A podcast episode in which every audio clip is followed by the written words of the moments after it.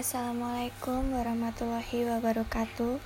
Perkenalkan, nama saya Veranika Sindivilia dari Prodi Akuntansi F NIM 202200004. Di sini saya akan menjawab UTS soal 6. Gambar 6 tersebut merupakan keamanan jaringan yang terdiri dari confidentiality atau kerahasiaan adalah upaya pencegahan bagi mereka yang tidak berkepentingan untuk dapat mencapai informasi.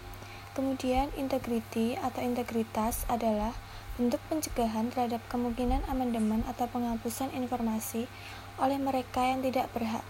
Dan yang terakhir, availability atau ketersediaan adalah upaya pencegahan ditahannya informasi atau sumber daya terkait oleh mereka yang tidak berhak.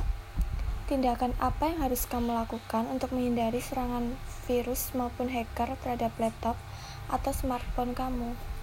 Yang pertama, tidak membagikan data pribadi ke orang lain. Yang kedua, menggunakan VPN atau Virtual Private Network.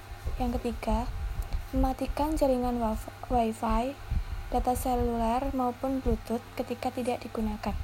Yang keempat, gunakan password yang kompleks. Yang terakhir, aktifkan enkripsi disk penuh pada komputer.